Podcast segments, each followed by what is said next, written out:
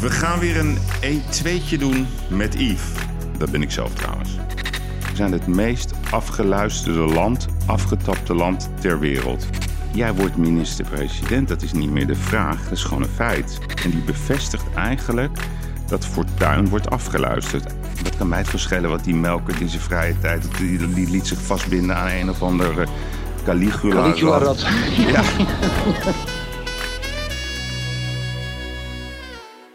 Het is vrijdag en daar verheug ik me al de hele week op. Het is tijd voor een 1-2'tje met Yves. Ja, dat ben ik. Het is tijd voor de show The Gigs. Ja, de Gigs-aflevering van vorige week heeft uh, Twitter op zijn grondvesten doen schudden. Beetje onverwachts, maar uh, op uh, wijze knalde Erik een nogal opmerkelijke onthulling de eter in. Een persoonlijk geheim dat ook mij verraste. We hebben het geweten, zijn opmerkingen over Pieter Omzicht. We werden overdonderd met mails, met appjes, met tweets, met talloze telefoontjes. Waarheden, onwaarheden, complottheorieën, maar ook best wel veel aangrijpende verhalen. Laten we het beestje maar een naam geven. De Omzichtkate. Een klein opmerkelijk detail. Het leidende journaal zweeg. Twitter ontplofte, trending podcast, maar het journaal van statuur zweeg. En dan zeg ik statuur. Wat is dat toch een mooi woord? Maar het lijkt wel of statuur een nieuw synoniem is geworden voor omerta. Zijn Erik en ik, zijn wij nu ook gekkies? Maar lieve luisteraar, één ding moet u weten. Wij zijn onvermurfbaar en streng indien nodig. Het heeft me ook uh, aan het denken gezet, wat Erik zei. En daar ga ik in deze podcast op terugkomen. Persoonlijk verhaal. Ik ga u terugnemen in de tijd. Uh, waarbij ik een opmerkelijke ervaring ga delen die ik had met, uh, met Pim Fortuyn. En zijn, mijn band ook met hem. En een paar jaar daarna zat ik bij Barend en Van Dorp met Klaas de Vries. Ik zou u daar ook deelgenoot van maken. Ik had nooit de behoefte om daarover te praten, maar die behoefte heb ik nu wel. Deze week zijn we ook weer in een soort van halve lockdown gegaan. Ja, en daar begin ik me nu toch wat uh, over op te winden. Ik wil met uh, Erik praten over de aangescherpte maatregelen, maar vooral ook kijken naar oplossingen. Want één ding moeten zich realiseren, als we op deze manier doorgaan, dan gaan we over twee weken, of over drie weken, of over vier weken weer helemaal op slot. We gaan het ook even hebben over voetbal. En wie krijgt vandaag de Manolev Award? Dat is niet alles wat we gaan bespreken. En ik zou zeggen, dit zijn genoeg intro's.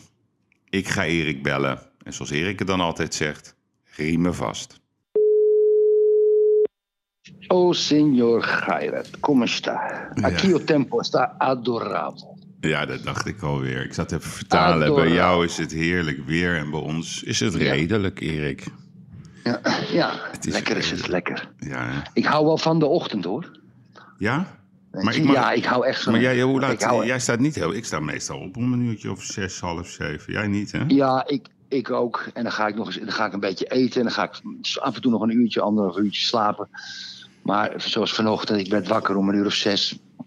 En uh, ja, dan, dan, dan was het nog donker. En dan echt die mooie zon opkomen. Dat kan ik ook zien vanaf mijn balkon, zeg maar. Ja, dat vind ik toch wel een stuk geluk hebben. Ik weet niet wat het is. Dat is wel lekker. Dat is wel lekker. Hoe is het met jou? Ja, Erik, heb jij ook een ander soort spanning voor deze podcast? Ja, er is natuurlijk veel gebeurd. Daar gaan we het later nog over hebben. Naar aanleiding van een, een bekentenis, zeg maar. Mm. De hele week is natuurlijk... Ik heb natuurlijk ook mijn werk, maar ik ben ontzettend veel uh, opgehouden door mensen die daar wat over te zeggen hadden. Mm. Goed en slecht. En uh, ja, weet je, het is... Kijk, wij, wij, wij, wij kennen elkaar al zo lang en wij hebben natuurlijk al zoveel gesprekken samengevoerd dat we precies weten hoe, hoe, hoe, hoe, we met onze kennis dat ook interessant voor de luisteraar maken. En daar hoeven we geen eens moeite voor te doen. Dus ik heb daar niet echt spanning over, Yves. Oké, okay. maar voordat we het daarover gaan hebben, ik moet je iets uh, persoonlijks zeggen. Er zijn een uh, aantal zaken niet goed gegaan. Was getekend Rubberen Rutte. Ja. Alsof het de ja, aankondiging van een nieuw wasmiddel betreft. Ja, ja maar kijk, weet je, kijk, Rutte die, die heeft iets unieks. Hè? Kijk, die, die voordat hij in de openbaarheid komt, al is het voor de Kamer of al is het in de Kamer, dan heeft hij een gave om de publieke opinie helemaal te be- beetje in te schatten.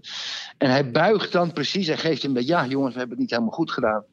En we doen het de volgende keer beter. Maar hij geeft toch heel veel mensen de kans om naar hem te kijken als iemand, ja, ik ben ook maar een mens en ik maak fouten, hè, jullie Ja. allemaal. Ja. En daar herkennen mensen zich in. Maar die vergeten natuurlijk dat we, die man daar niet zit om tegen ons te zeggen dat hij maar constant foutjes maakt. Kijk, die man zit daar omdat wij vinden, met z'n allen, dat, want wij hebben geen tijd om het land te leiden. En een heleboel mensen hebben ook geen kunde en kennis om het land te leiden. Wij vinden, oké, doe jij het maar. Want, hey, doe jij maar zorgen dat de lantaarnpalen worden aangestoken. Zo Hmm. is het in feite. Daarom Ja. kies je een bestuur. Maar, wat, Maar dat gevoel is helemaal weg. Weet je wat Ze heel, wat, nee, even Erik, wat heel grappig is, hè? Als je kijkt naar, naar, naar al die uitzendingen op tv, hè, met al die virologen en uh, hoogleraar. Ja. En wat ze standaard zeggen, ah, interessante, dat is een hele goede vraag. Dat is een soort standaard, goede vraag. ja, dat, wat- is een, dat is standaard geworden. Ja, Ja, en wat ook een standaard is, ja, eens. Ja, eens. Ja, je heeft helemaal gelijk. Dus wat ze doen, dat is een soort eh, discussietechniek. En die zie je echt iedere dag op tv. Ja. Daarmee maak je de discussie dood. Want ze zeggen altijd, ja, Ja. daar ben ik het mee eens. Of ja, wat Ja. een ontzettende goede vraag. Ja, dat is een ontzettende goede vraag. Maar zodra het over de inhoud gaat, dus waar we het echt met elkaar over willen hebben, ja, dan is de discussie al beëindigd. Dan moet je gewoon je mond houden. En dan gaan ze allemaal in de modus, ja, maar er vallen doden. Eh, ja, ben- bent u tegen de gezondheid? Dus, dus er is 0,0% ruimte om het echt inhoudelijk te bespreken, zonder dat je dan wordt gekild. Dus ik wil even met jou hebben over die maatregelen. Over ja, maar, ja, maar ik, hou die even 30 seconden voor je, Yves. Er zijn twee redenen voor. Eén, de interviews op televisie zijn geen interviews meer. Want die worden gestuurd door een redactie. Hmm. Helemaal gestuurd door een redactie. Dat houdt in dat het, dat het eigen initiatief plat gaat. En ten tweede, voor een talkshow zitten ze allemaal van tevoren met elkaar gezellig te keuvelen. Ja? Dat weet jij ook. Jinek, Ja, ja. je bent bij Jinek opeens geweest, Barend en Van noem ze maar op. En, eh, en, en dan gaan ze met elkaar allemaal keuvelen. En dat moet je niet doen als interview. Je Nee, moet gaan zitten, je moet gaan beuken, je moet de waarheid krijgen. Vertel. Ja, nee, maar daar heb je gelijk. Want ik vind het wel belangrijk dat, kijk, luisteraars moeten weten hoe tv ontstaat. Ik vind dat, wij, dat dat ook onze plicht is om dat te vertellen. Je wordt gebeld door een redacteur. Dan word je nog een keer gebeld. Dan gaan ze een Ja. uur met je voorbespreken. Ze gaan de Ja. looplijnen bepalen. Eigenlijk wat ja. je moet doen, je moet eigenlijk een heel ander verhaal vertellen. En als je er zit, moet je gewoon, gewoon, een- ook weer een heel ander verhaal vertellen. Heb ik, eh, heb ik toch altijd gedaan. Daarom Ja. mocht ik niet meer bij Pauw. Daarom mocht ik niet meer bij Pauw komen. Ja, voordat we het hebben over die corona, vertel eens één keer over die anekdote dat je met, met Joop van den Ende zat. Wat gebeurde er nou na de Ja, uitzending? en met Halbe, met Halbe, met Halbe en Joop. Ja. En, en, en, Jij en maakt, een toen kwam beetje gemeen, ja, jij maakt een beetje gemene opmerkingen over ik- Kijk, kijk, weet je wat het is? In die talkshows is het allemaal, als het allemaal usance om Wilders te bashen. Trump of Wilders. Nou, dus die, die Joop van der Ende, die begon echt gewoon... Ja, Wilders, vreselijke man, vreselijke man. En niemand zei daar wat over. Niemand zei er wat over. Ook dus de Halbe Zijlster zat er, die zei, ja, het is de Tweede Kamer. Niemand zei daar wat over. Want Wilders een klootzak vinden is maar normaal op televisie. Ik vond trouwens even, even over die tweet en van Wilders. Hey, ja, even, even, dat, we, dat was geen goede tweet van hem. Over die... Ja, maar Yves, moet ik nou mijn verhaal afmaken ja, of niet? ja, sorry, sorry. Sorry, ja. Ja. Kijk, en toen, en toen zei ik tegen Joop, ik zeg, ik zeg maar, wat als Wilders gelijk heeft, ging over immigratie. Wat als Wilders gelijk heeft? Ja, Wilders vreselijk, maar Wilders... En toen, en toen zei hij, en toen, en toen zeg ik, ja maar Joop, jij hebt makkelijk praten. Achter je grote hek van je huis en je privéjet om hem te smeren als het fout gaat. Nou, om een lang verhaal kort te maken, hij sloeg dicht. Na de uitzending sta ik een, sigaretje te roken buiten met mijn jongste dochter. Hij stormt, hij was, had, hij was al weg in zijn auto met chauffeur. Hij stormt zijn auto uit en hij pakt me zo bij mijn, bij mijn kraag. Ja, Wil me, ja? En, Ja. eh, je, je was vroeger een leuke man en nou vind ik je een vervelende vent. Ik zeg, Joop, als je me nou niet loslaat, dan tik ik je in elkaar. Ik zeg, mijn dochter staat er ook bij. Nou, toen hield hij op. En toen belde hij me om 12 uur de dag erna op om zijn excuus te bieden. ja kijk, ik, Ja. Ik, ik heb hem daarna een keer gesproken op een eh, borrel. En toen zei ik, het was wel aparte televisie. Wat er, ik, ik, zeg, ik, ik vertelde, ik, zeg, ik hoorde wat, wat er daarna was gebeurd. En toen Ja. zei hij, ja, die, die, de vlieger, wie denkt hij wel die, niet dat die is? Wie is hij dan? Ik zei, nou, nou, nou, Joop, eh, doe even rustig. ja. Oké, mooi, maar hij is gewoon, hij is een goede man, echt waar. Hij is een goede man. Hij is een goede man. Hij is ook hem emotioneel en Het is, Tuurlijk. Ja, ik vind het wel mooi eigenlijk dat hij je bij je Ja, kraag hoor, pakt. is toch mooi, daar hoort er ook bij. op zich wel, ja. Maar Hoort we er gaan, ook bij. We gaan even terug naar die, naar die coronamaatregelen. Hoe, ik wil gewoon van jou weten hoe je ernaar kijkt. Dus, dus er, wordt, er wordt iets gezegd. Nou, een hele waslijst weer aan maatregelen. En dat wordt weer de hele dag vanaf ochtends vroeg tot 's avonds laat besproken. Ja. Ik ga ze je niet aan je voorlezen. Van blijf thuis. Of als je niet naar je werk kan, eh, dan blijf je thuis. Of, het, is, het, is, het is wereldkampioen onduidelijkheid. Maar hoe kijk jij ernaar? Nou kijk, dat het onduidelijk is, ben ik met je eens. Maar weet je, kijk, je, mo- je moet, eh, als er overheidsmaatregelen komen, dan heeft opeens 17, 17 miljoen mensen hebben natuurlijk een mening. Dat is net als het voetbalelftal. Hmm. Ik heb het alternatief ook niet, Yves. Ja, ik wel. Ja, ik, ik, ik, ik, ik, ik- je, je hebt of een lockdown, totaal, ja, of je laat hem gaan en je doet de kwetsbare oude, ouderen niet meer of in een isolement laten leven. Maar, en dan moet iedereen maar een beetje ziek worden. exact. Ik heb geen andere. Nee, maar, maar dat is het. Het is ofwel, kijk, want wat ze nu doen, hè, ze hebben nu weer zo'n light lockdown. Nou, ik kan je op hun briefje geven, over twee weken gaan we op slot. Dat, dat is gewoon een Denk je voor- dat? Ja, dat denk ik echt. Omdat op deze manier krijg je het virus helemaal niet onder controle. Dus ofwel je doet het op de Chinese manier, dus we brengen het virus naar nul. Je last de deuren dicht. We gaan even twee weken lekker Netflix kijken, spelletjes spelen. En we pakken het echt aan bij de kraag. Ofwel, je laat het los en je bent gewoon heel eerlijk en je zegt: luister, de oudere mensen en alle kwetsbare mensen, die moeten gewoon even binnen blijven. Want die kunnen echt gewoon ziek worden en die kunnen aan doodgaan. Alsjeblieft, blijf thuis. Maar je moet dat durven te zeggen. En dat is niet populair om dat te zeggen, want dat is een Ja, maar denk, je, keiharde denk dat dat de oplossing is? Maar Ja, denk het je is, dat dat de het is A of B.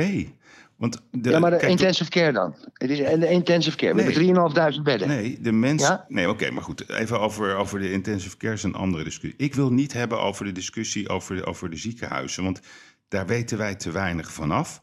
En daarnaast vind ik het ook hè, buitengewoon unfair tegen al die mensen in de zorg. Ik ben heel vaak in ziekenhuizen geweest. Het is niet normaal hoe hard die mensen werken. Alleen het systeem helpt hun gewoon niet. Dus zij gaan alleen maar van klus naar klus en ze doen hun werk. Alleen je moet een keuze maken. Ofwel, we gaan het virus naar nul brengen. Ofwel, we gaan voor die, voor die oorspronkelijke gedachte van immuniteit. En we laten het inderdaad gewoon losgaan en we laten de samenleving normaal draaien.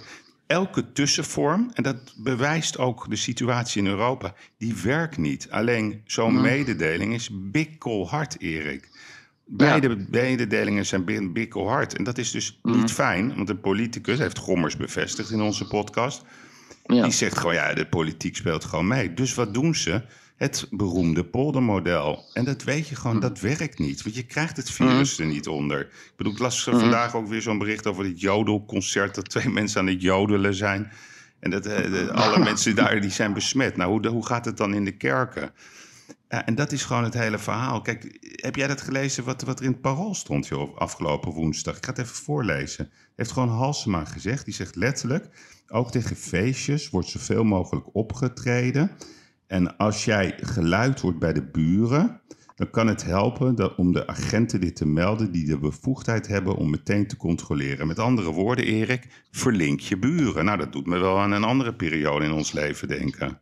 De NSB. Exact. Maar kijk, maar Yves, ehm, van Halsema is dat natuurlijk een, een, hele, een hele wettelijke, legaal gevonden opmerking. Want je kan de politie niet naar binnen laten gaan als je vermoedt dat er tien mensen staan. Maar je kan de politie wel naar binnen laten gaan als er geluidsoverlast is. Hmm. Dus zij geeft eigenlijk aan, eh, je moet, als je een beetje geluid hoort, hè, dan kunnen de agenten op basis van de wet naar binnen. Het is heel, het is heel, het is heel smerig eigenlijk. Eigenlijk is het heel smerig. En trouwens, ze is wel genomineerd voor de beste burgemeester van de wereld hè, bij de laatste honderd. Ja, en wie heeft haar genomineerd?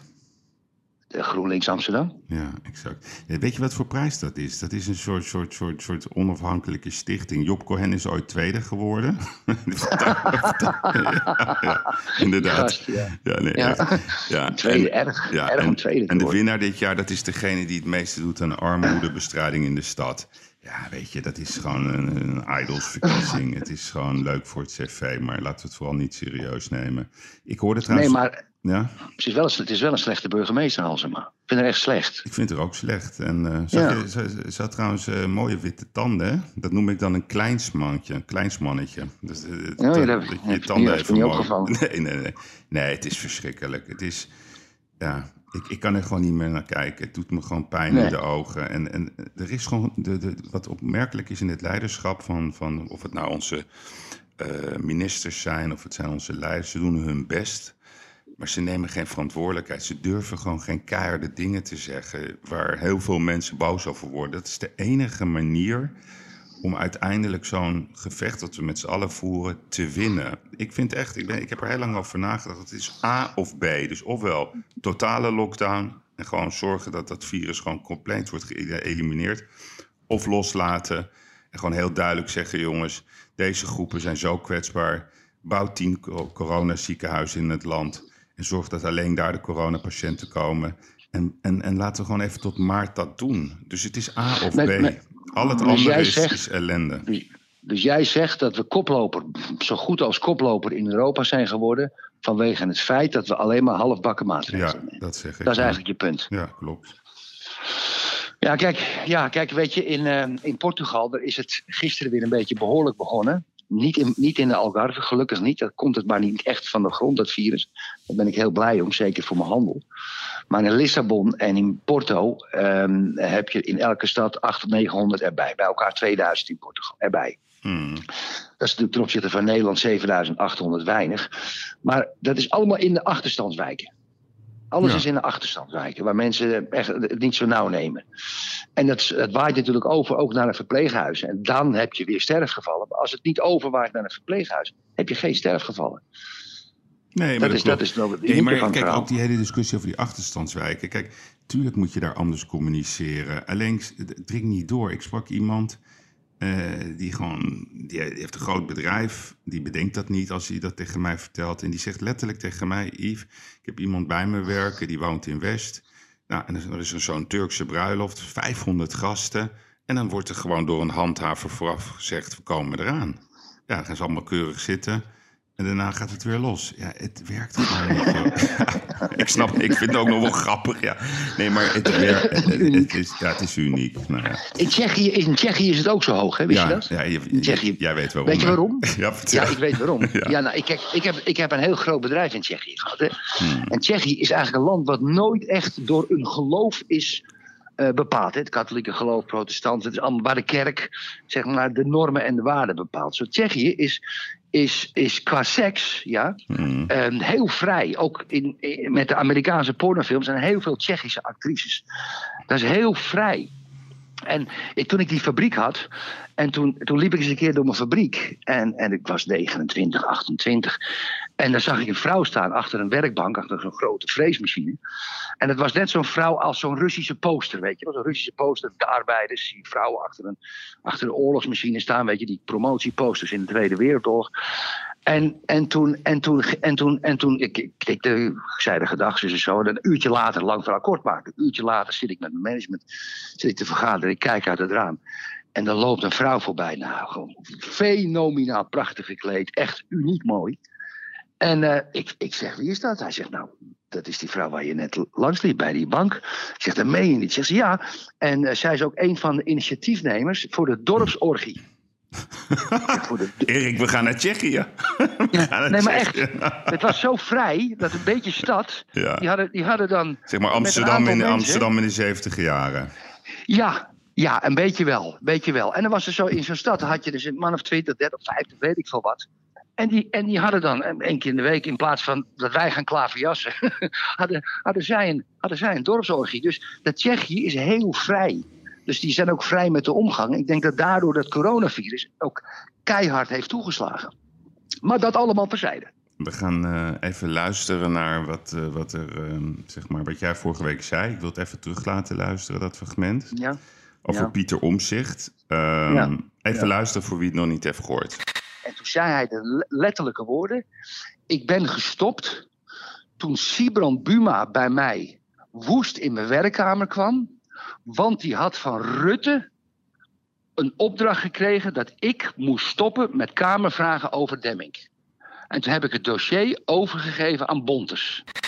Oké, nou, Erik, du duidelijk. Kijk, wat jij zegt, hè, ehm, je zegt iets heel wezenlijks. Eigenlijk wat jij zegt, Rutte, die, die, die, die vindt dat de rechtsstaat eigenlijk niet gehandhaafd moet worden, want hij, hij oefent druk uit op relevante politici. Dat is eigenlijk de kern, vind ik, van, van wat jij vertelde aan dit hele verhaal. Ja, ja bewijsbaar, hè? Ja, bewijsbaar ook. Maar nu komt er even het verhaal.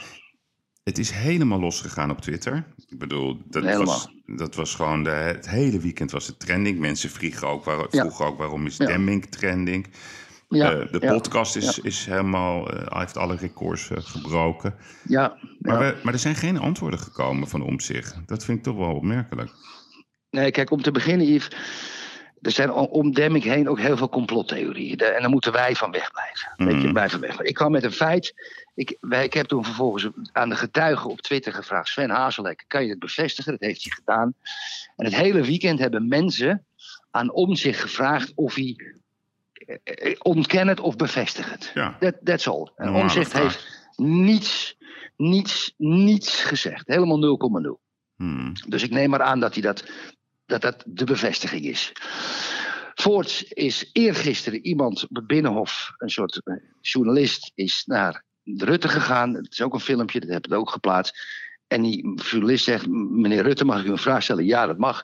Uh, het is met Erik de Vlieger, heeft met in de podcast, bla bla. Die heeft dat hele verhaal verteld. Rutte draait zich om en die loopt weg. Dat is ook een soort bevestiging. Nou, dan hebben wij in onze podcast hebben we een aantal feiten naar boven gehaald. Eén, we hebben gezegd dat um, Jesse Klaver moest ingrijpen met een ruzie tussen GroenLinks Amsterdam en Femke Halsema.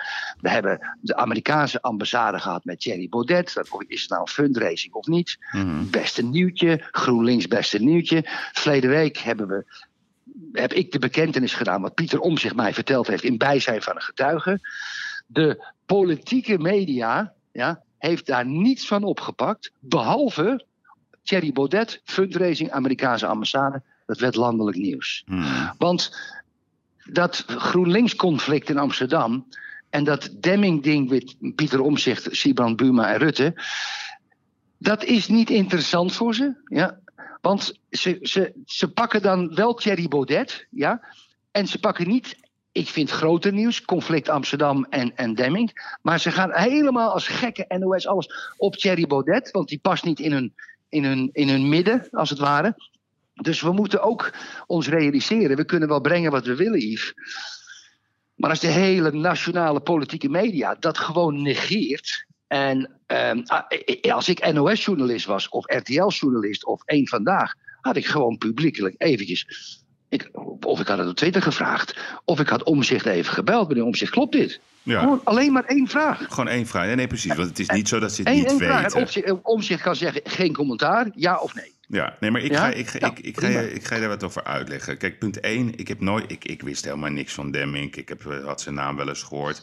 Maar ik ben er even een beetje ingedoken. Wist jij bijvoorbeeld, weet jij bijvoorbeeld hoe dat is ontstaan, die hele kwestie met Demming? Dat is door, door, die, door die poot, die, die, die man van Schipsel. Dus ik heb dat uh, gehoord van de week. Die poot die werd eh, dwars gezeten bij die ontwikkeling van Schiphol. Ja. En die werd zo boos, Erik. Ja. En wat hij toen heeft gedaan, heeft hij een opdracht gegeven. Hij zegt, alle ministers, nou werkelijk waar iedereen die moest maar uh, onderzocht worden. Daar heeft hij een godsvermogen geld in gestoken. Miljoenen, miljoenen. Ja, miljoenen op zeg maar oneerbare feiten. Maar er kwam niet veel uit, behalve van Demming. Ja. ja die helemaal niks te maken had met het hele chipsol.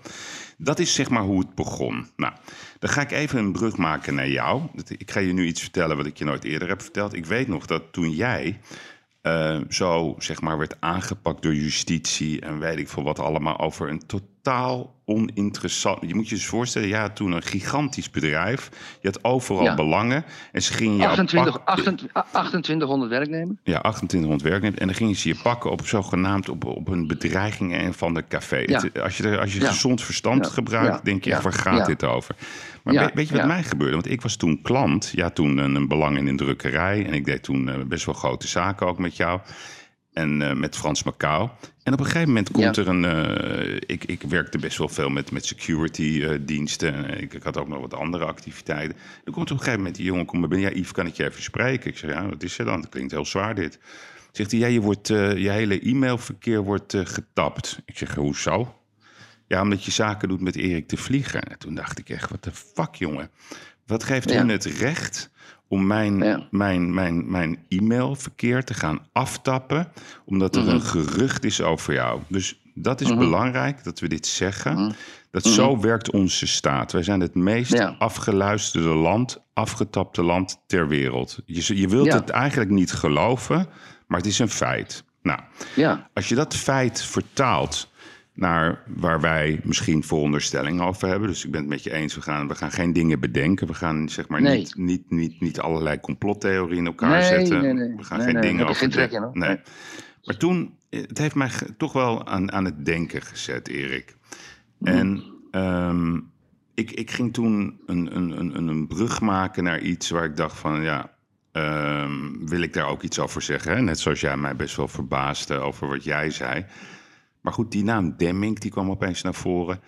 Toen kwam er een filmpje. eh, iemand mailde mij dat over wat ik zei. Ik ga iets zeggen over eh, Klaas de Vries. Hè? Dus daar moet, Ja. ik me, daar moet ik me ook aan houden. En dat ga ik ook Ja. doen. En voordat we even gaan luisteren naar een fragment... vind ik het belangrijk dat ik even uitleg... hoe ik in contact kwam met Pim Fortuyn. Want anders snappen de mensen het niet. En dan denken ze, ja, eh, was dat een vluchtige ontmoeting? Kijk, ik heb Pim Nee, ja. ooit geïnterviewd. Zo begon mijn contact. Ik had een introductie gekregen via Lia van den Berg. Dat was een. Voor eh, welk blad? Voor welk blad? voor miljonair was dat. Voor miljonair. Ja, dus dat lag natuurlijk heel gevoelig. Hè? Waarom moet hij Ja. daarin staan? Maar Ja, door, door de introductie van Lia van den Berg... en dat was een, een, een heel zeg maar, toonaangevend eh, selectiebureau van secretaresses in Amsterdam. Zij plaatste zeg maar, hele belangrijke mensen... bij grote nationale en internationale bedrijven. En zij kende Fortuyn, omdat Fortuyn was commissaris bij haar bureau. Nou, Mhm. ze had dat voor mij geregeld. En ik weet nog heel goed, toen zei ik tegen haar, Lia... eh, ik heb dat interview, ik vind het leuk om een cadeautje voor hem mee te nemen. Dus ik, eh, ik vind, hij was gek op sigaren. Ik zeg, neem een doosje sigaren mee. Ze zei, nee, hij rookt niet meer. Nou, toen dacht ik, oké, dan moet ik iets anders bedenken. En toen heb ik die das bedacht. Ik weet niet of je Ja. die nog kent. Die Stropdas, ja, ja, ja, die gestreepte. Nou, dus ik kwam, ik kwam aan, Palazzo di Pietro in, in Rotterdam. En ik had eh, in de file gestaan. En hij is best een lange kerel. Dus hij stond ook nog daar toen hij de deur opendeed op die trap. En hij keek zo naar me. Wat komt u doen hier? Toen dacht ik, ja. Dus ik zeg tegen mij, ik zeg, hoe bedoel je, wat kom ik doen? Toen hadden we nog een fax. Ik zeg, we hebben een interviewafspraak. Dus als je daar geen zin in hebt, joh. Ik zeg, eh, ik vind het al gedoe om eh, drie uur van 020 naar 010 te rijden. Ik zeg, dan ga ik weer naar huis. Nou, dat vond hij natuurlijk prachtig. Oh nee, meneer Gerard, ik weet, ik weet het goed. Neemt u maar plaats. Nou, dat was het begin van het eerste contact. Dat klikte, Erik. Hadden een, een mooi, mooi gesprek, mooi interview, mooie fotografie. Ik ben nog een hapje met hem gaan eten. Ik heb hem toen die das gegeven. En toen zei ik de letterlijke tekst tegen hem. Dit gaat jou geluk brengen, die das. Doe hem aan op een moment dat jij denkt dat het nodig is. En nu gaan we naar het moment dat hij die das voor het eerst aandeed. En dat was in dat beruchte debat met Ad Melkert. Ja. ja. Gemeenteraadsverkiezingen. Weet je nog Ja, dat ja, Fortuyn ging helemaal los. Ging helemaal Helemaal los. los, En Melkert keek hem niet aan. En hij won de sympathie. Hij kreeg de sympathie van het volk. Rozenmuller zat aan tafel en die gozer van de VVD zat aan tafel. Die grote kerel ook. Oké, ja, dat, Ja. Weet, dat weet ik niet meer. Maar goed, in ieder geval, hij belt me na die uitzending op. Heb je het gezien? Heb je het gezien? Ik zeg, ja, ja. Ik zeg, je hebt nu natuurlijk nu andere kleurtjes nodig. Dus hij lachen. dus ik heb hem toen andere dasjes gegeven. En we kregen een band. We kregen een contact. Eh, hij vond het leuk om mij te bellen over werkelijk waar van alles en nog wat. En ik gaf hem vragen. Ik had helemaal geen enkele interesse om in die politiek te gaan. Ik vond het gewoon leuk om, om, om dat er iets in Nederland ging veranderen. En nu maak ik een grote sprong naar, naar 30 april 2002.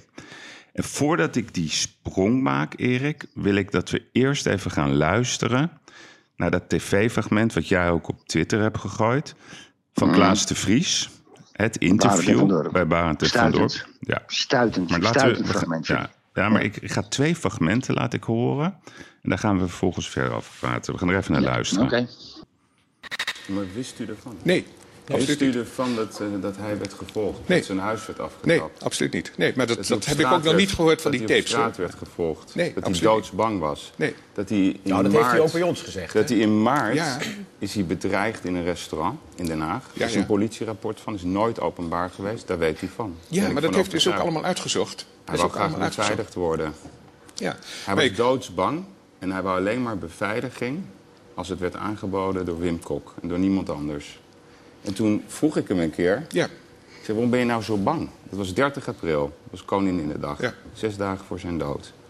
Ik zeg, uh, het gaat goed, hè? Volkskrant was helemaal positief. De zetels uh, denderden omhoog. Ik zeg, de spanning neemt nu wel toe. Het is niet de tijd dat je gewoon echt goed beveiligd wordt. Hij sliep, hij zou niet meer thuis gaan slapen. Hij zou gaan slapen ergens in Groningen. Ik zeg, word je nog steeds geen beveiliging aangeboden? Nee, want ze luisteren me af. Ik zeg, maar hoe kan dat dan? Wie, wie, wie zit daar dan achter? Dat is maar één man. Ja. En dat bent u.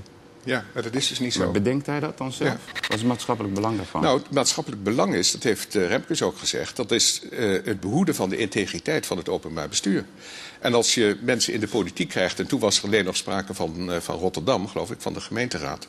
dan is het dus voor de politie relevant om te weten of mensen daar uh, in, de, in, een raad komen die bedreigd kunnen worden of gechanteerd kunnen worden of iets anders. En hebben die mensen de recht om dat te weten dat ze gevolgd zijn?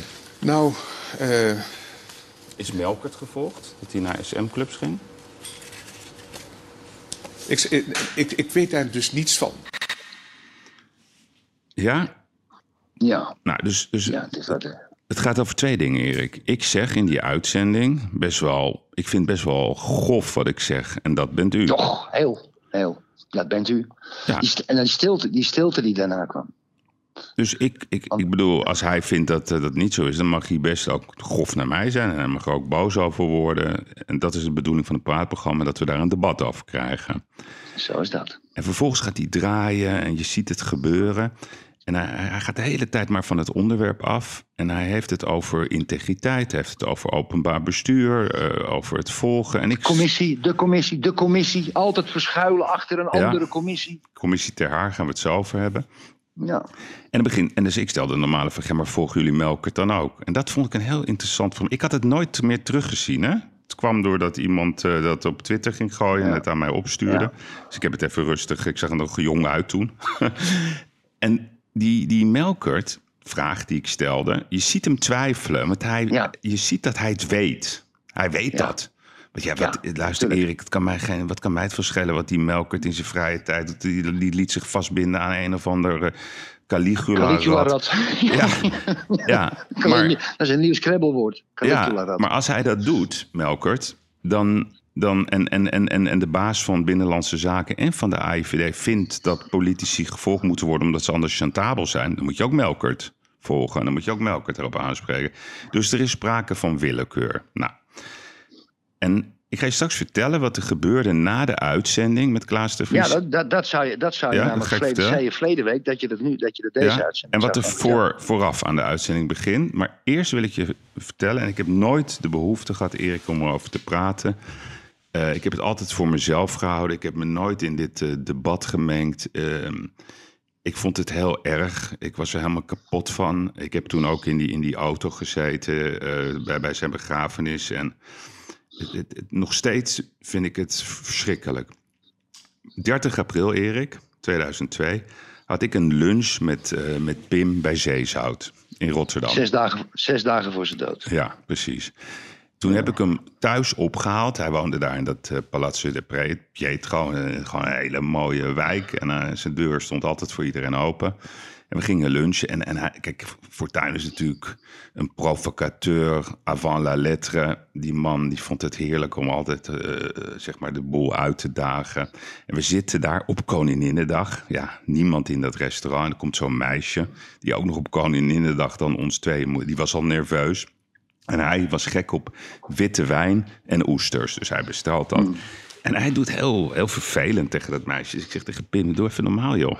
Het is Koninginnedag, joh. Ik heb hier geen zin in. Dus uh, zeg sorry tegen, tegen dat meisje. Of, uh, of, of gaan, laten we anders hier gewoon weggaan. Dat, dat, dat kan niet. Oh, nou, dan ging je sorry zeggen.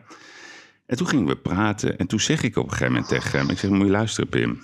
Even voor de duidelijkheid. Hij had in de Volkskrant... had hij een recensie gekregen of een, eh, was een poll uitgekomen dat hij meer dan 50 zetels zou krijgen. Dat vond hij belangrijk, hè? De, de, de elite die hem erkende. Ik zeg, jij wordt minister-president, dat is niet meer de vraag, dat is gewoon een feit. Je gaat meer dan 50 zetels, het worden misschien 60. Je bent de belangrijkste man. Ik zeg, en wij zitten hier met z'n tweeën. Hoeft maar één gek hier binnen te lopen en het is game over. Ik zeg, realiseer je dat wel? Dus ik zeg, het- je moet je gewoon nu laten beveiligen tot aan die verkiezingen. En toen, werd, toen ging hij helemaal los. En hij zegt, ik moet beveiligd worden door Wim Kok. Want ik ben ook een van de burgers die ertoe doet. En ik wil gewoon door hem beveiligd worden. Heel erg dat gevoel van, ik ben ook een burger.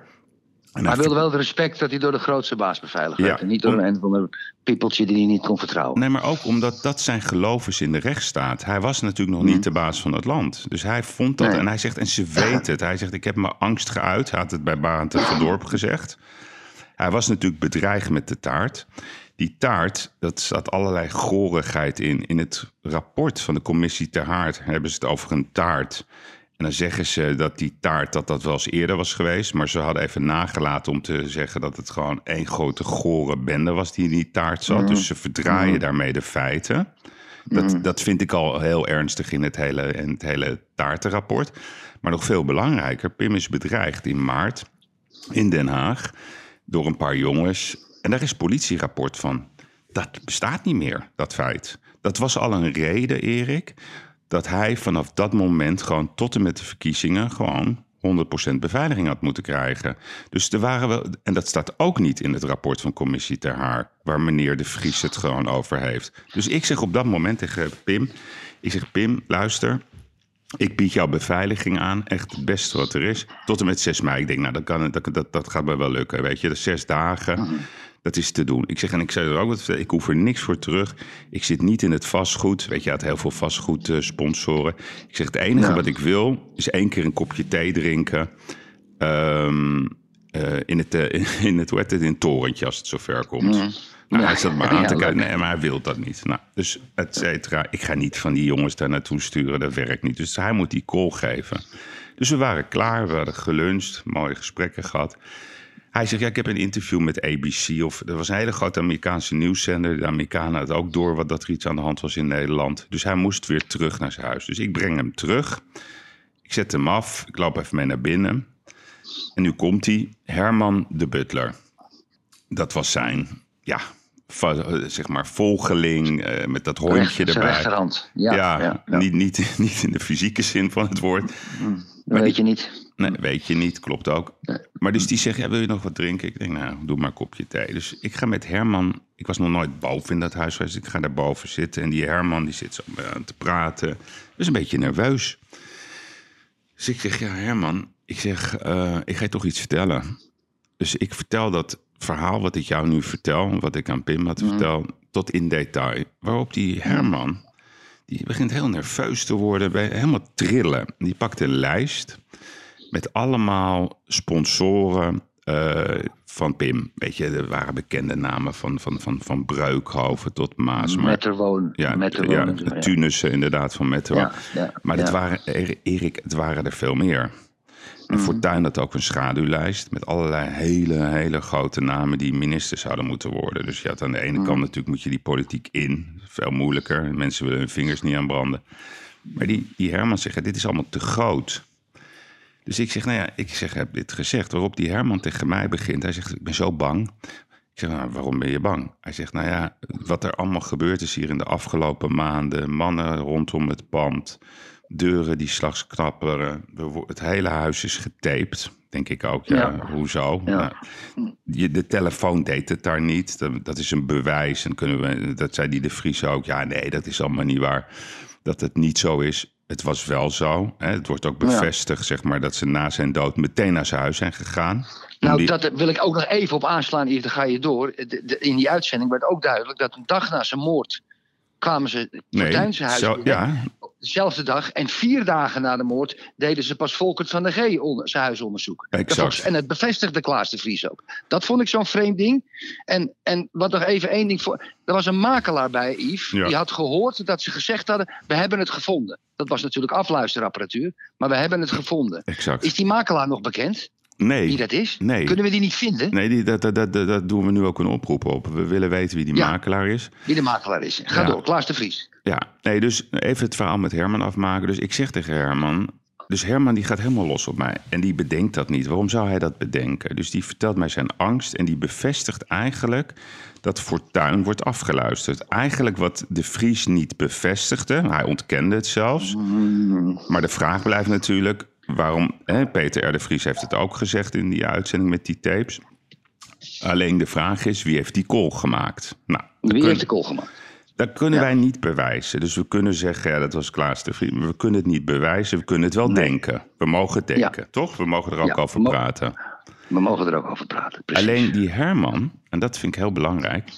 die, die, die was zo expliciet over de angst die hij had... dat er wat ging gebeuren. En waarom is Herman niet gehoord door de commissie ter haar? Als je dat rapport, ik had het rapport niet gelezen. Ik ben het gisteren gaan lezen en dan ga ik proberen om te puzzelen. Nou, er staat niks in het rapport, Erik, over een bedreiging in maart bij dat restaurant Den Haag. Er staat ook niet in het rapport dat men bekend was met de stank van de taart. Want ze verschuilen zich dat het gooien van een taart naar politici wel eens eerder gebeurt. Dat was meteen dezelfde dag bekend. Dat Ja. was gewoon op tv. Er wordt simpelweg ontkend dat hij, wordt afge, dat hij werd afgeluisterd. Dat zeggen ze gewoon. Dus er wordt gewoon weggegooid als een vingerveeg. En nu, en nu het allerbelangrijkste. Waarom zijn ze niet naar Fortuin gegaan? En naar zijn butler. En naar, want hij was best een eenzame man. Hè? Dus gewoon, meneer Fortuin, we willen graag met u praten over de dreiging die u voelt. Dat hebben ze nagelaten. Mhm. En de vraag die natuurlijk ontzettend belangrijk is, Erik, en die volgens mij nog steeds iedereen bezighoudt. Waarom heeft de inlichtingendienst niet ingegrepen? Waarom is er, is er terwijl alle, alle indicatoren aanwezig waren dat er iets had kunnen gebeuren? En dan kom ik weer bij die Klaas de Vries. Ja, maar waarom? Je stelt een vraag. Mag ik er antwoord op Ja, geven? zeker. Omdat ze blij waren dat hij de pijp uitging, Yves. Zo Exact. simpel is het. exact. Dat kwam, dat kwam allemaal prima uit. En, en, en daar kan je natuurlijk allemaal weer complottheorieën. Die heb ik ook allemaal gelezen. Maar het feit blijft overeind.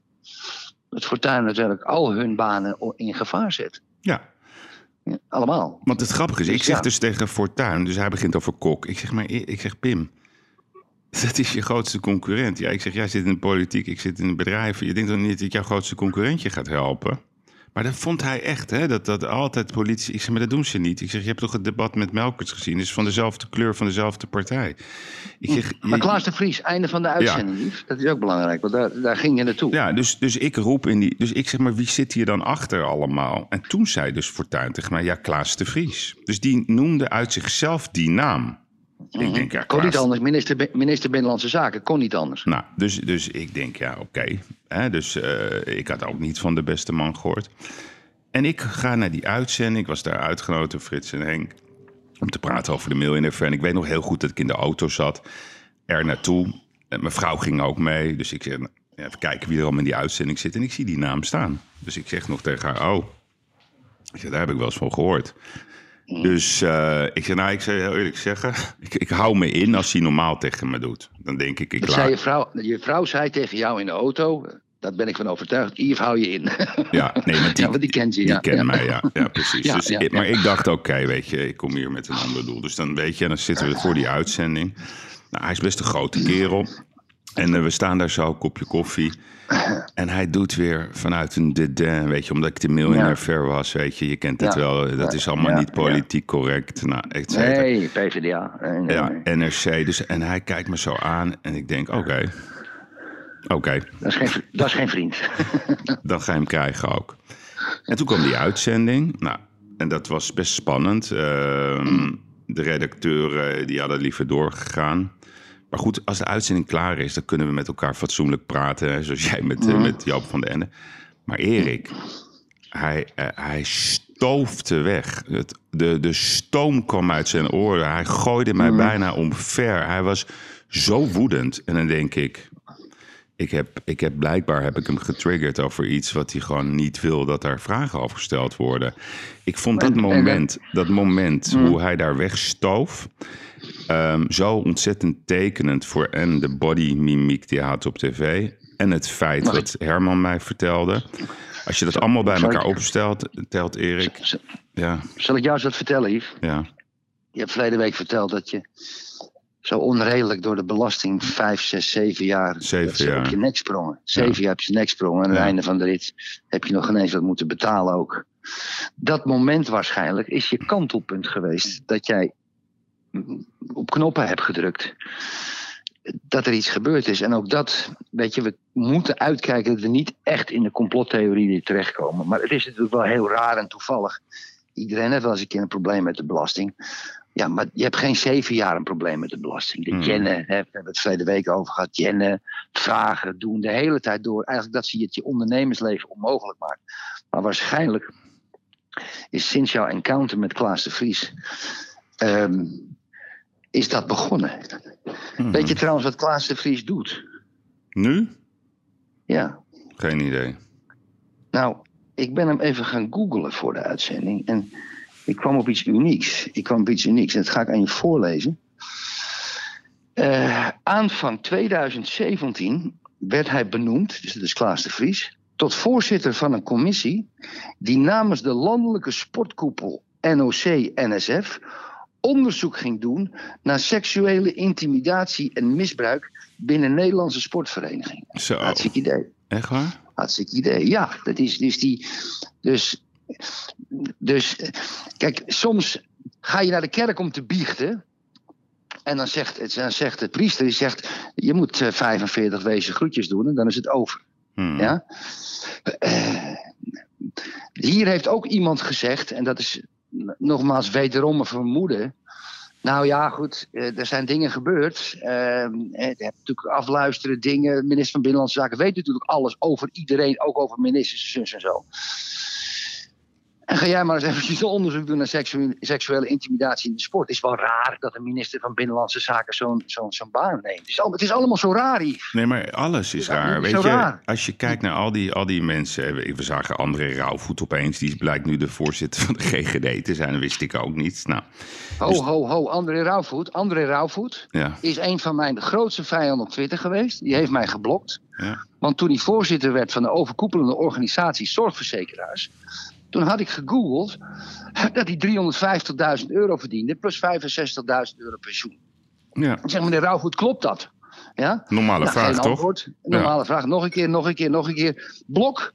En toen gaf hij een tweet. Ik snap niet waarom mensen, dat ik via een andere account tweet, waarom mensen zich met het salaris van een ambtenaar bemoeien. Of een, van een eh, dingen bemoeien. En Hmm. iedereen zo, ja, heel erg, heel erg. Nou, en opeens komt hij in beeld. En ik heb hem verleden week ook gezien. En heeft op elke vierkante centimeter op zijn kin een haar. Ja, die laat hij groeien. En dan denkt hij dat hij een baard heeft. Dat is on- onbegrijpelijk. On- onbegrijpelijk hoe die man eruit ziet trouwens. En, en die komt dan opeens weer. Opeens weer. Is hij de grootste baas van de GGD? Ik wist dat helemaal niet. Nee. Ja? Ik, ik vind die man, die is alleen maar partijvoorzitter van de ChristenUnie geweest. Ja, het is, Is on... natuurlijk- Ja, maar vind je het gek dat het al een zootje is met dat al dat testen? Vind je het gek? Vind je Nee, het maar- gek? maar de kijk, dus- ondeskundigheid straalt er vanaf. Ja, dus wat ge-. Maar hij werd er overkoepelend van alle zorgverzekeraars. En de zorgverzekeraars hebben gezegd natuurlijk... wat moeten we met die imbeciel hier?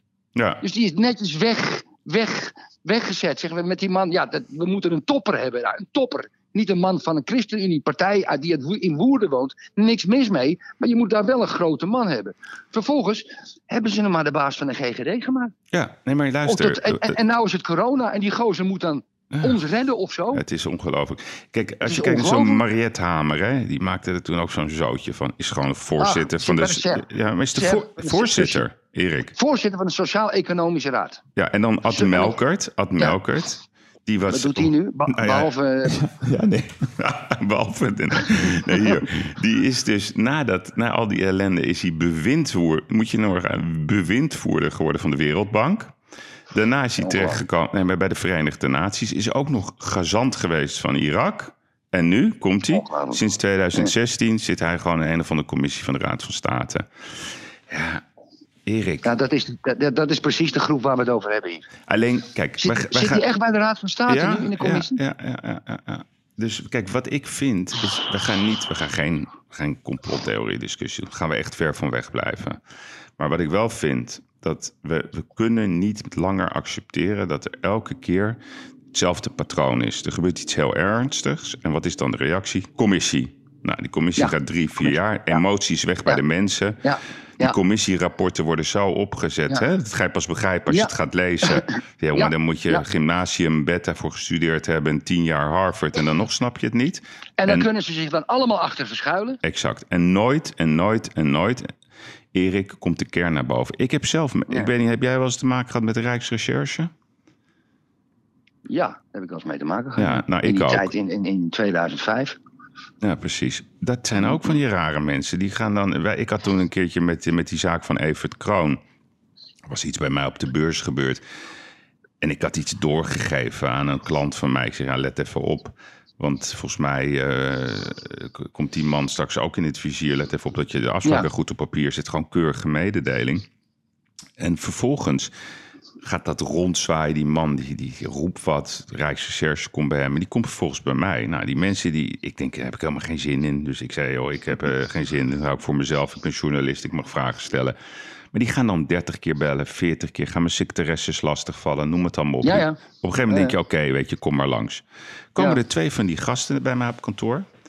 En die zitten zo tegenover me. En ik zit naar ze te kijken. En ik zeg tegen hem, tegen hun, kennen jullie elkaar? Dus eh, wat bedoelt u, meneer Geirat? Ik zeg, nou gewoon, kennen jullie elkaar? Moet je opletten. Eh, Ja, ik begrijp niet wat u bedoelt. Ik zeg, nou, die rechter meneer, die heeft namelijk anderhalve maand geleden is die bij mij op kantoor geweest om. Die was van plan om een security bedrijfje te beginnen. Ik zeg, ja, een beetje raar. Ik kan het niet helemaal meer begrijpen. Oh, waar? Ja, ik zweer het je, Erik. Vervolgens ga ik toch meedoen. Dus ik zeg, nou, ik wil wel de stukken lezen. Maak een hele andere versie. Ik zeg, hebben jullie dat al Ja. doorgegeven aan de rechtbank? Ja. Ik zeg, dat had het toch niet afgesproken? Nee, Erik, je bent Nee. gewoon kansloos. Dus, dus, dus, dus vanuit mijn eigen ervaring durf ik er wel de stelling aan... dat, ik weet niet of er kwaad achter zit... maar ze dekken elkaar allemaal. Ze zijn niet bereid om naar onafhankelijke onderzoeken te luisteren... of daaraan mee te werken, zodra het Zal spannend wordt. nog- Ja. Ja, maar zal ik, zal ik je nog een, mooi, een ander mooi verhaal vertellen? Hmm. Naar aanleiding van ons gesprek van verleden week ben ik nog eens goed gaan nadenken. En ik kreeg last met de overheid, pak een beet, eind 2004. En ik herinnerde me iets, een voorval, dat een, een, een zakenvriend uit Rotterdam, ik ga zijn naam niet noemen, ik heb hem wel gebeld, wanneer het ongeveer was. En die, en die was heel goed met vermeend. Ja? En vermeend, die, en hij kwam een keer bij me, ik denk, eh, we schatten dat het eind 2003, begin 2004 was. En toen zei hij tegen mij, Erik, ik moet je wat vertellen. Ehm, ehm, ik heb gehoord dat jij in de, op de radar zit van een overheidsinstellingen. Ik zeg, ik? Ja, maar ik moest een beetje lachen. Weet je, Ja, waarom? Ik doe het verkeerd. Ik heb geen offshores. Nee, ik schrok niet echt, want ik dacht, het kan niet. Hmm. Ik, ik dacht, dat kan niet. Wat, wat, wat- als, je iets, als je iets doet, iets flikt, Hmm. ja, dan denk je, nou oké, eh, eh, eh, ik hoop dat ik niet gepakt word of zo. Dus ik moest toch een beetje lachen. Ik zeg, maar hoe kom je daar zo bij? Hij zegt, ja, dat heb ik van Willem Vermeend gehoord. Die heeft mij gewaarschuwd dat ik een beetje weg bij je moest blijven. Want er werd intensief naar de vlieger gekeken. Ik zei, ja, die Vermeend is gek. Ja? Maar die wisten het dus ook al. Ja, maar dat is precies wat ik bedoel. Het is... gek. Ik denk, wat raar, denk ik. En Ja. achteraf denk ik, het komt natuurlijk allemaal terug. Ik heb dat allemaal een beetje weggezet in mijn hoofd. Dat gezeik in die tijd.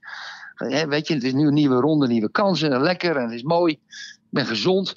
Dus laat het, verleden moet je, moet je niet in te lang blijven hangen, weet je wel. Het- af en toe denk ik daar nog wel aan. Maar er komen dan dingen terug uit mijn geheugen wat ik afgesloten heb. In hokjes, deurtjes dicht.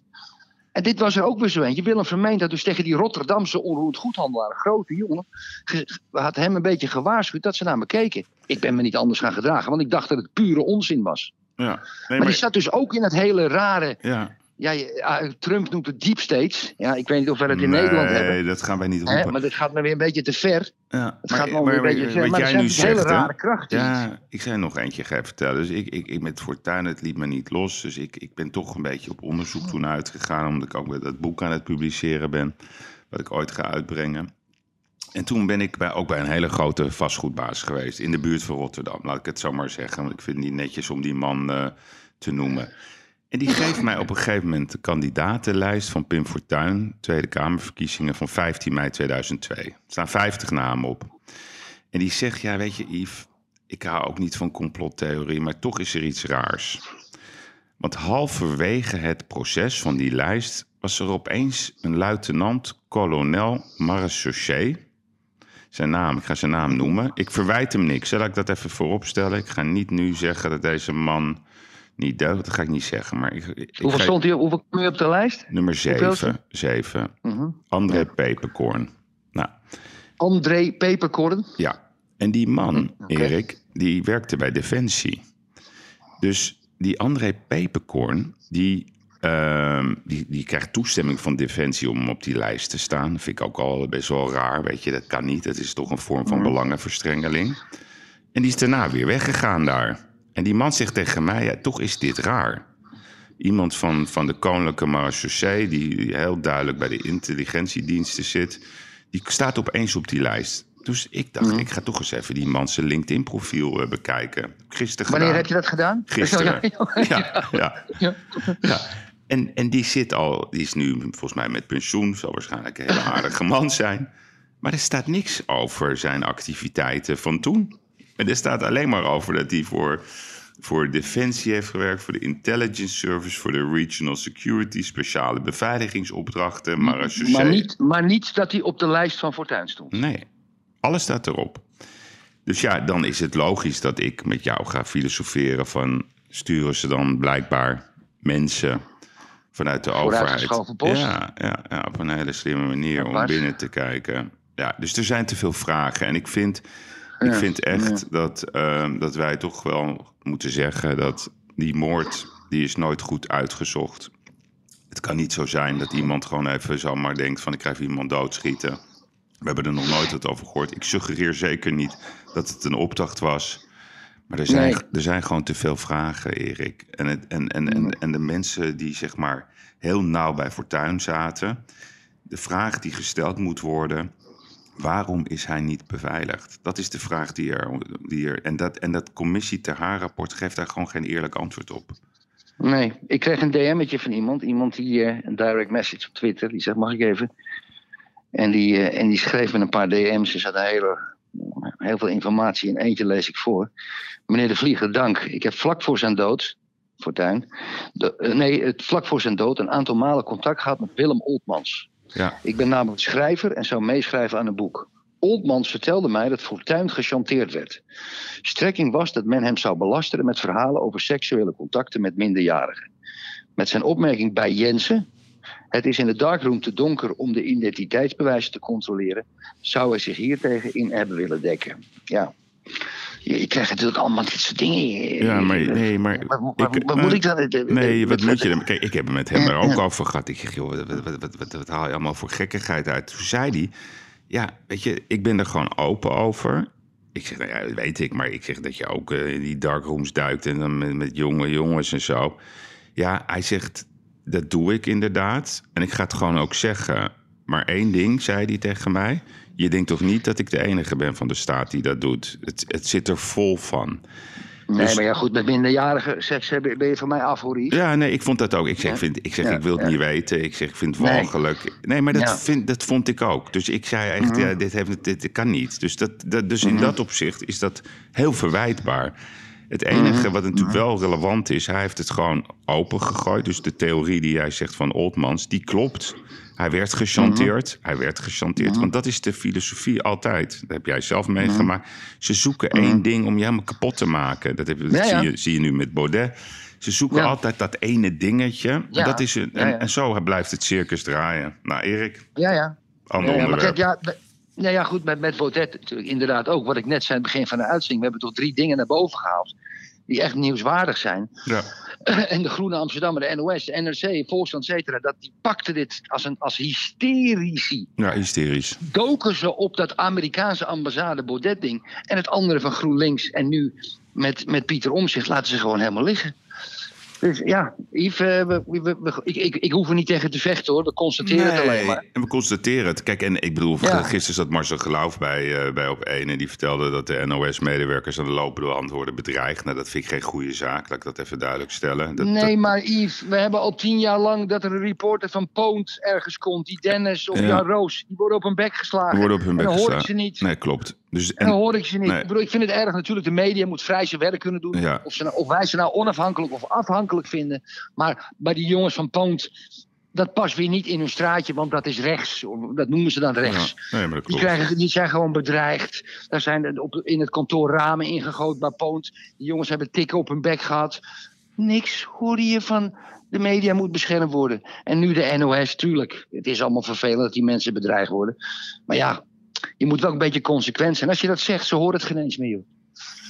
Ze horen het geen eens meer. Nee, maar alleen het, Goed, wat hebben we nog meer, Yves? Want het het is- we het volk hebben- is niet dom. Ja, even heel kort over het Nederlands elftal. Ja. Wat ja. vond je ervan? Ja, ik vond het heel, heel, heel, ja, ik vond het heel, ik heb genoten van de wedstrijd, laat ik het zo zeggen. Ja, hè? ik vond het En, wel eh, gewaagd wat hij deed. Ja, maar het hebben- pakte goed hebben- Ze uit. hebben zich in, ja, ze hebben zich ingezet voor de coach.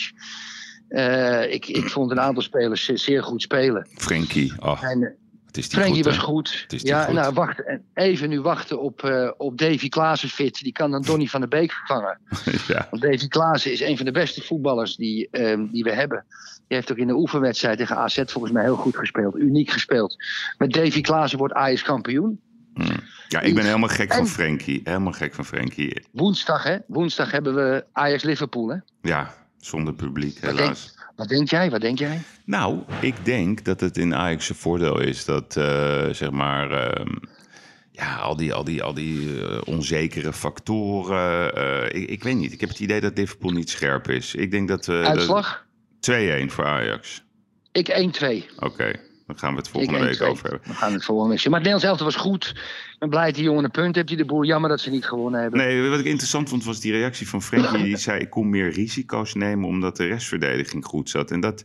Zo, Ja. je, je moet deze jongen. Weet je nog dat eh, Real Madrid moment, die 1-4?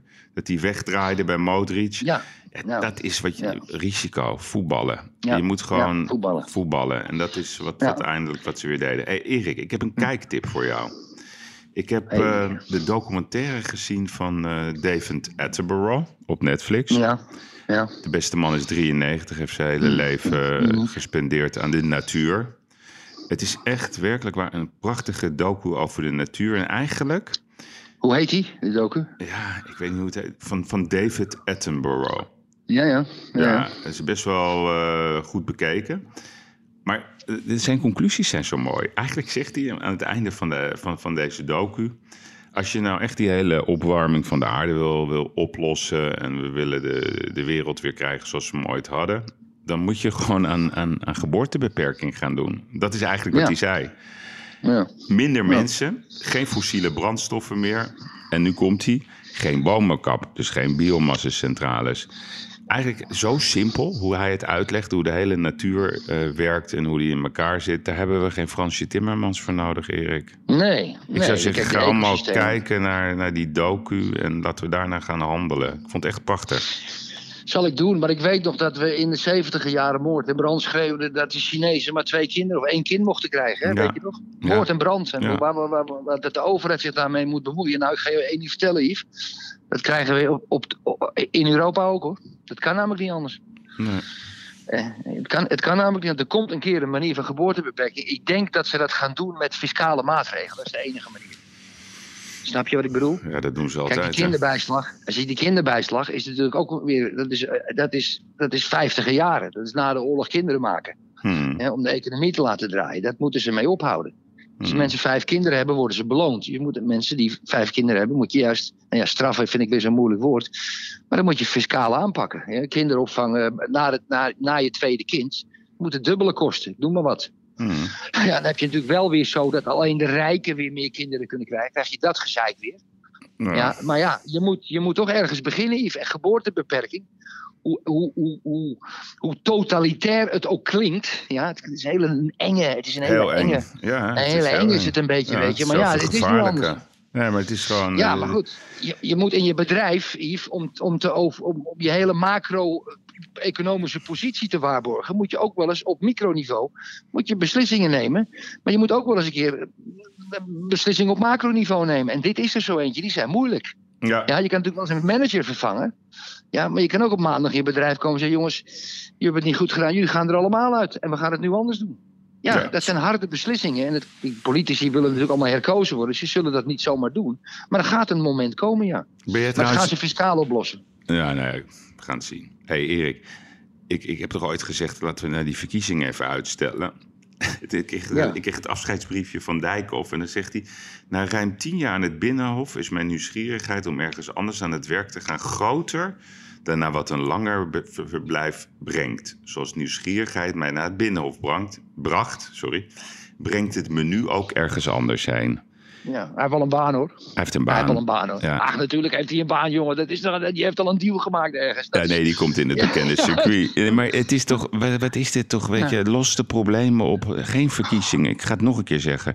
Geen verkiezingen. Eerst alles oplossen en dan gaan we volgend jaar kijken wie de contest gaat winnen. Dat vind ik echt. Ja, ik ben, ik ben er principieel op tegen. Ja, je hebt praktisch ik. gelijk. Ja, Je hebt praktisch gelijk, maar ik ben er principieel op tegen. principieel op tegen. Oké. Niets mag, niets mag een verkiezing. Dat is, dat, is het, dat is de heilige graal van de democratie, zijn de verkiezingen. Mensen ook niet stemmen, vind ik belachelijk. Ja. Ja, de heilige graal is van, het, van de democratie. De, de, de, de, de- is de zeggenschap van de mensen. We hebben een datum gezet, die moeten we uitvoeren. Die moeten we uitvoeren. Principieel. ja. Hey Erik, voordat zelfs we, in tijden van oorlog. vo- voordat we overgaan naar, naar de Manolev Award. Ja, ja. Ehm, jij wou iets zeggen over de Amsterdamse politie. Wat wil je daarover zeggen? Ja, kijk, er was een, een kameraad van een kameraad hier. En die werkt bij de Amsterdamse politie. En die heeft, die heeft dingen verteld. Dat ze in, in, in de Bijlmer, wat natuurlijk een broeines van criminaliteit, drugstransporten en drugsdealen is. En shootings, de rappers die elkaar van een flikker schieten. Hebben ze maar s'avonds één patrouillewagen. Eén patrouillewagen voor de hele wijk. Ze hebben één patrouillewagen voor Diemen. één patrouille voor, voor, voor, voor de Bijlmer. En als er wat gebeurt, ze gaan al niet meer panden binnen. Dus iemand is doodgeschoten. Of wat dan ook, een vechtpartij, burenruzie, bedreiging, maakt niet uit. Dan zeggen ze, oké, we gaan niet naar binnen. Dat kan dus niet. Dan moet er backup komen. Die moet meestal uit Amsterdam-Noord komen. Dat duurt uren of heel, helemaal niet. Dat is een, de Bijlmer is een banlieue uit Parijs aan het worden. Ja. En, en de politie kan helemaal niets doen. Niets. Alleen de kleine vergrijpen laten ze lopen. Hij zegt de dealers staan op straat. En als we voorbij komen rijden, kijken ze ons gewoon in onze ogen. Ja, ze lopen geen eens meer weg. Hmm. Hij zegt, het is, het, is een, het, is een, het, is een, het is een Franse banlieue aan het worden en het wordt steeds erger. En ik, dat heb ik op Twitter gezet natuurlijk, in een drieluik. Ik veel reacties op. Ik kreeg ook reacties van politiemensen. Eh, ook eentje, die kan ik natuurlijk niet zeggen, maar een man die werkt daar in de buurt en die vertelde me Erik, je verhaal klopt helemaal. Eh, ik zeg, nou wie bent u dan? Dat zat anoniem op Twitter. Nou, toen legde hij uit wie hij was. En dat was echt van onder de indruk. Dat was geen eens een, kleine jongen. En ja, dat is, het is, ze hebben het helemaal niet meer onder controle. En, en de, de, de- het is zo kapot bezuinigd. Hè? De zorg is redelijk kapot bezuinigd. Maar de politie is ook echt helemaal kapot bezuinigd, Yves. En laat ik er maar bij laten dat we in leiderschap niemand hebben die daar wat aan doet. En hopelijk komt dat na de verkiezingen goed. De Manolev Award. Ja, de De Manolev Award. Manolev Award. Ja, we hebben een jingle, daar komt ie.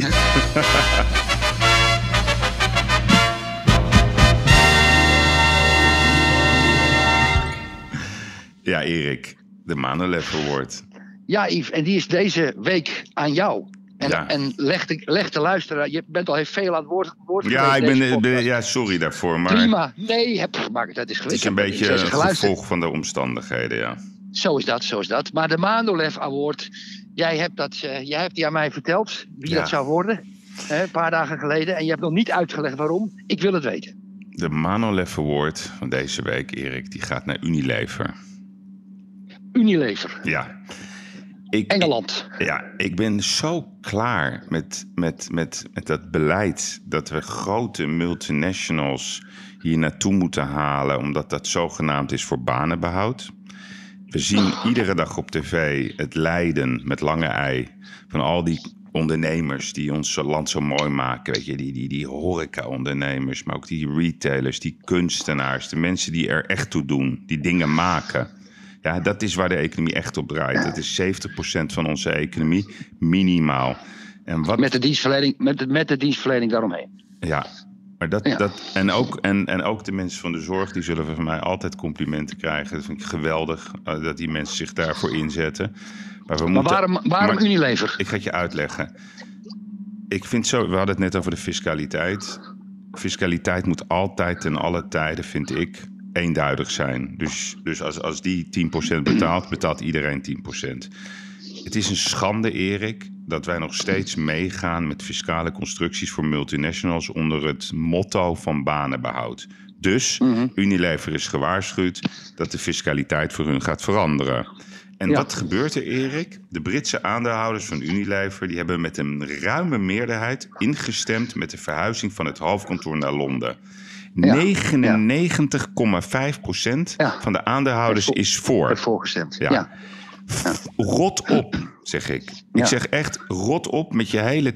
Ja, sorry dat ik. Met je hele teringzooi, met je Magnum, met je Knor, met je Lipton, met je Omo, met Dove, met Rexona. En, en, en op je hele website doe je aan greenwashing, want ze maken de wereld beter. Nou, Erik, als ik onder de douche sta met een Dove-ding, is, gewoon plas- is gewoon plastic, hè? En plastic, ja. Ja, en dan ja, hebben ze, steunen ze foundations zoals Oxfam en Save the Children. Ze doen alleen maar aan greenwashing. Erik, het is tuig. En ik, ik, ik, Ja. ik zeg dit niet gauw, maar eh, niet vaak. Maar ik vind het echt, echt, echt een schande hoe dit soort bedrijven, zodra ze even een geldwaarschuwing krijgen, zeggen: Nou, weet je, dan gaan we gewoon weg. Pak onze spullen op. en Je- maar, maar- maar je realiseert je, Yves, in jouw bedrijfstak heb je dat soort adverteerders ook nodig, hè? Maakt me niet wel vrij. Ja. Maak je gereed. Ik nee, weet dat. Nee. nog- Ik, fuck ik- it, fuck Weet je, echt. Voor een paar it, centen. Ja, echt fuck it. Voor een paar centen verplaatst het hoofdkantoor. Zo'n man die daar de baas was, hè, die, die Polman, hè, die, die laat dan een boek maken. Met, of, of laat, nou ja, laten we het maar in het midden met Smit. En die gaat dan vertellen over een nieuwe wereld. Pakt wel 11,2 miljoen. En dan is zijn, is zijn triumph, hè, dat hij zegt: Ja, ik heb 200 Mm. miljoen euro laten lopen. omdat we ons bedrijf konden verkopen. Het zijn slechte bedrijven, Erik. Ze Mm. ja, deugen niet goed voor de maatschappij uiteindelijk. Nee. Zodra blijkbaar het over geld gaat, wat ze zogenaamd verafschuwen, maar het gaat alleen maar om geld. Ik bedoel, BlackRock Investment is een van de grotere aandeelhouders. Nou, dat zijn natuurlijk de grootste. ha- ja? Ja, zeker. Die zit Oh, Dat geloof zijn ik. de voor- ergste. zijn de ergste. duivel. Wij, wij moeten dit soort bedrijven helemaal niet willen. Ik vind echt Unilever, Manolever wordt en wat mij betreft eh Unilever. Ik, ik heb gisteren, Ja. ik heb gisteren, ik had gehoord, Unilever al wat van je gehoord. Of je schreef me dat in een WhatsApp. En ik heb de hashtag geïntroduceerd, Unilever oprotten. ja. Ik was de eerste met dat hashtag, dus dat is goed.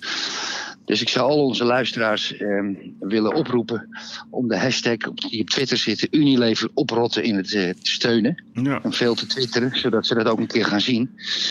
Eh, je hebt gelijk. En eh, Maar koop vooral Ja. geen producten meer. Weet je, ga naar hun website waar ze zo, zo, zo zichzelf zo keurig uitleggen. Koop het bij de roep, boer. jij, roep jij op tot een boycott van Unilever? Ja, het is een grote, het zijn grote uitspraken, Erik. Maar ik Ja, vind echt ik vind dat mensen moeten gaan nadenken. En als je aan mij vraagt, ehm, ga je daar nou heb een handelen? Ja, ik ga dat doen. Ik heb een- Ik ga er nu vanaf nu nou rekening mee houden. Ja, ik ga er rekening mee houden. Ik ga hun De producten marketing, vermijden. de, marketingmanager, de marketingmanager van Unilever belt jou maandagochtend op. Yves Gaarder mag je even met u spreken. Ja. Ik heb die podcast beluisterd.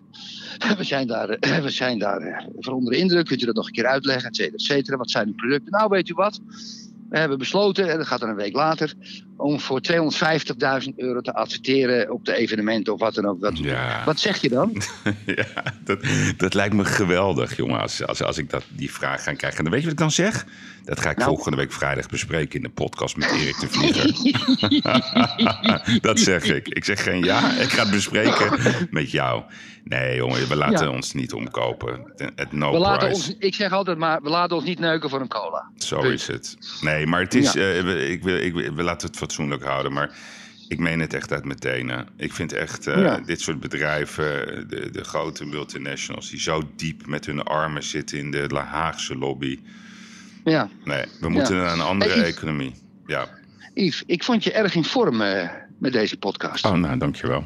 Ik was fit en scherp, mooie verhalen. Ja, Dus, vier, eh, ik, ja. tra- ik train vier keer in de week, jongen. Zeven uur Ja, ochtends. echt fit. Weet ik, denk, nou, ik had ook een lijstje wat ik wilde zeggen en verhalen. Ik denk, nou, dit is.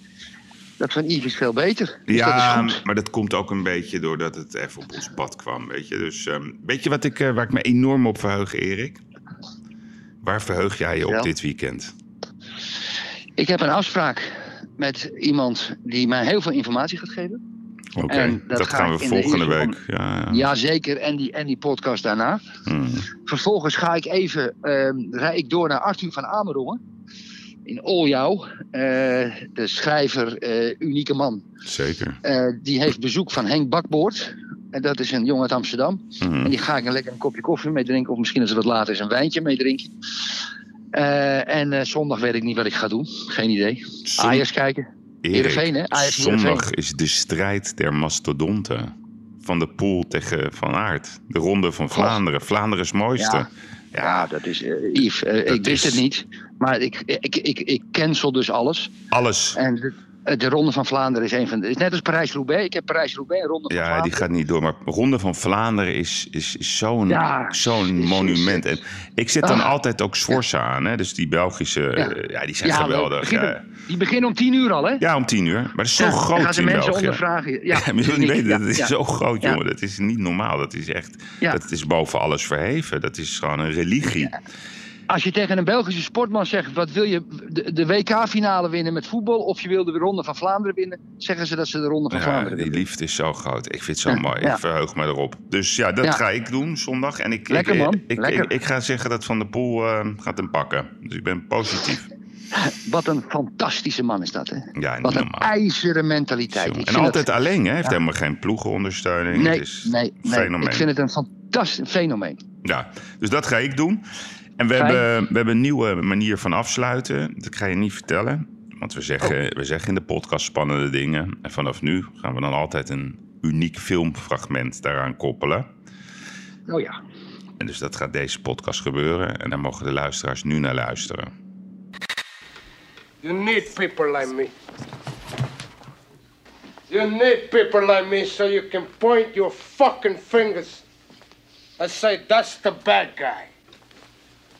What I make you? Good? You're not good. You just know how to hide, how to lie. Ja, Erik. Het beroemde Ja. moment van Ja. El Pacino. Ja. Uit Scarface. ja. You need people like me. Je wordt er al bang van als je eraan denkt. Als iemand dat tegen mij zou zeggen, zou ik toch een beetje een ro- ro- rondje omgaan, zeg maar, Yves. Ja, nou ja. We houden de, de luisteraars bezig, Erik. We gaan, eh, we gaan eh, een mooi weekend beleven. En eh, ja, ik hoop dat je, dat je ehm, iets leuks gaat doen vandaag. Verdien wat. Vandaag ga ik aan, vandaag ga ik aan het werk. Oké. Vrijdag, ik heb een paar afspraken. Heel en ik wens je een fijn weekend. En ik spreek je volgende week weer. Amigo. Amigo. Ciao. Bye bye. Adios. Adios. Bye bye. Ja, dit was de gigs van deze week. Ja, een iets andere dit keer. Ik was wat meer aan het woord. Het kwam ook een beetje door de omstandigheden. Maar eh, als ik iets beloof, dan doe ik het ook. Dus ik heb eh, wel eh, ja, verteld wat ik had beloofd, wat ik wou vertellen. Ik zou zeggen, denk er rustig over na. Verbind er geen conclusies aan, maar vorm vooral uw eigen mening. Volgende week zijn we er weer. Maandag ben ik er ook met de serie Uitblinkers. En volgende week de gigs. En neemt u maar van mij aan, dan komen we weer met nieuwe feiten. We komen met nieuwe weetjes, we komen met nieuwe veronderstellingen. Voor nu, heel mooi weekend. En zoals gezegd, ik ga kijken naar de Ronde van Vlaanderen. Tot volgende week.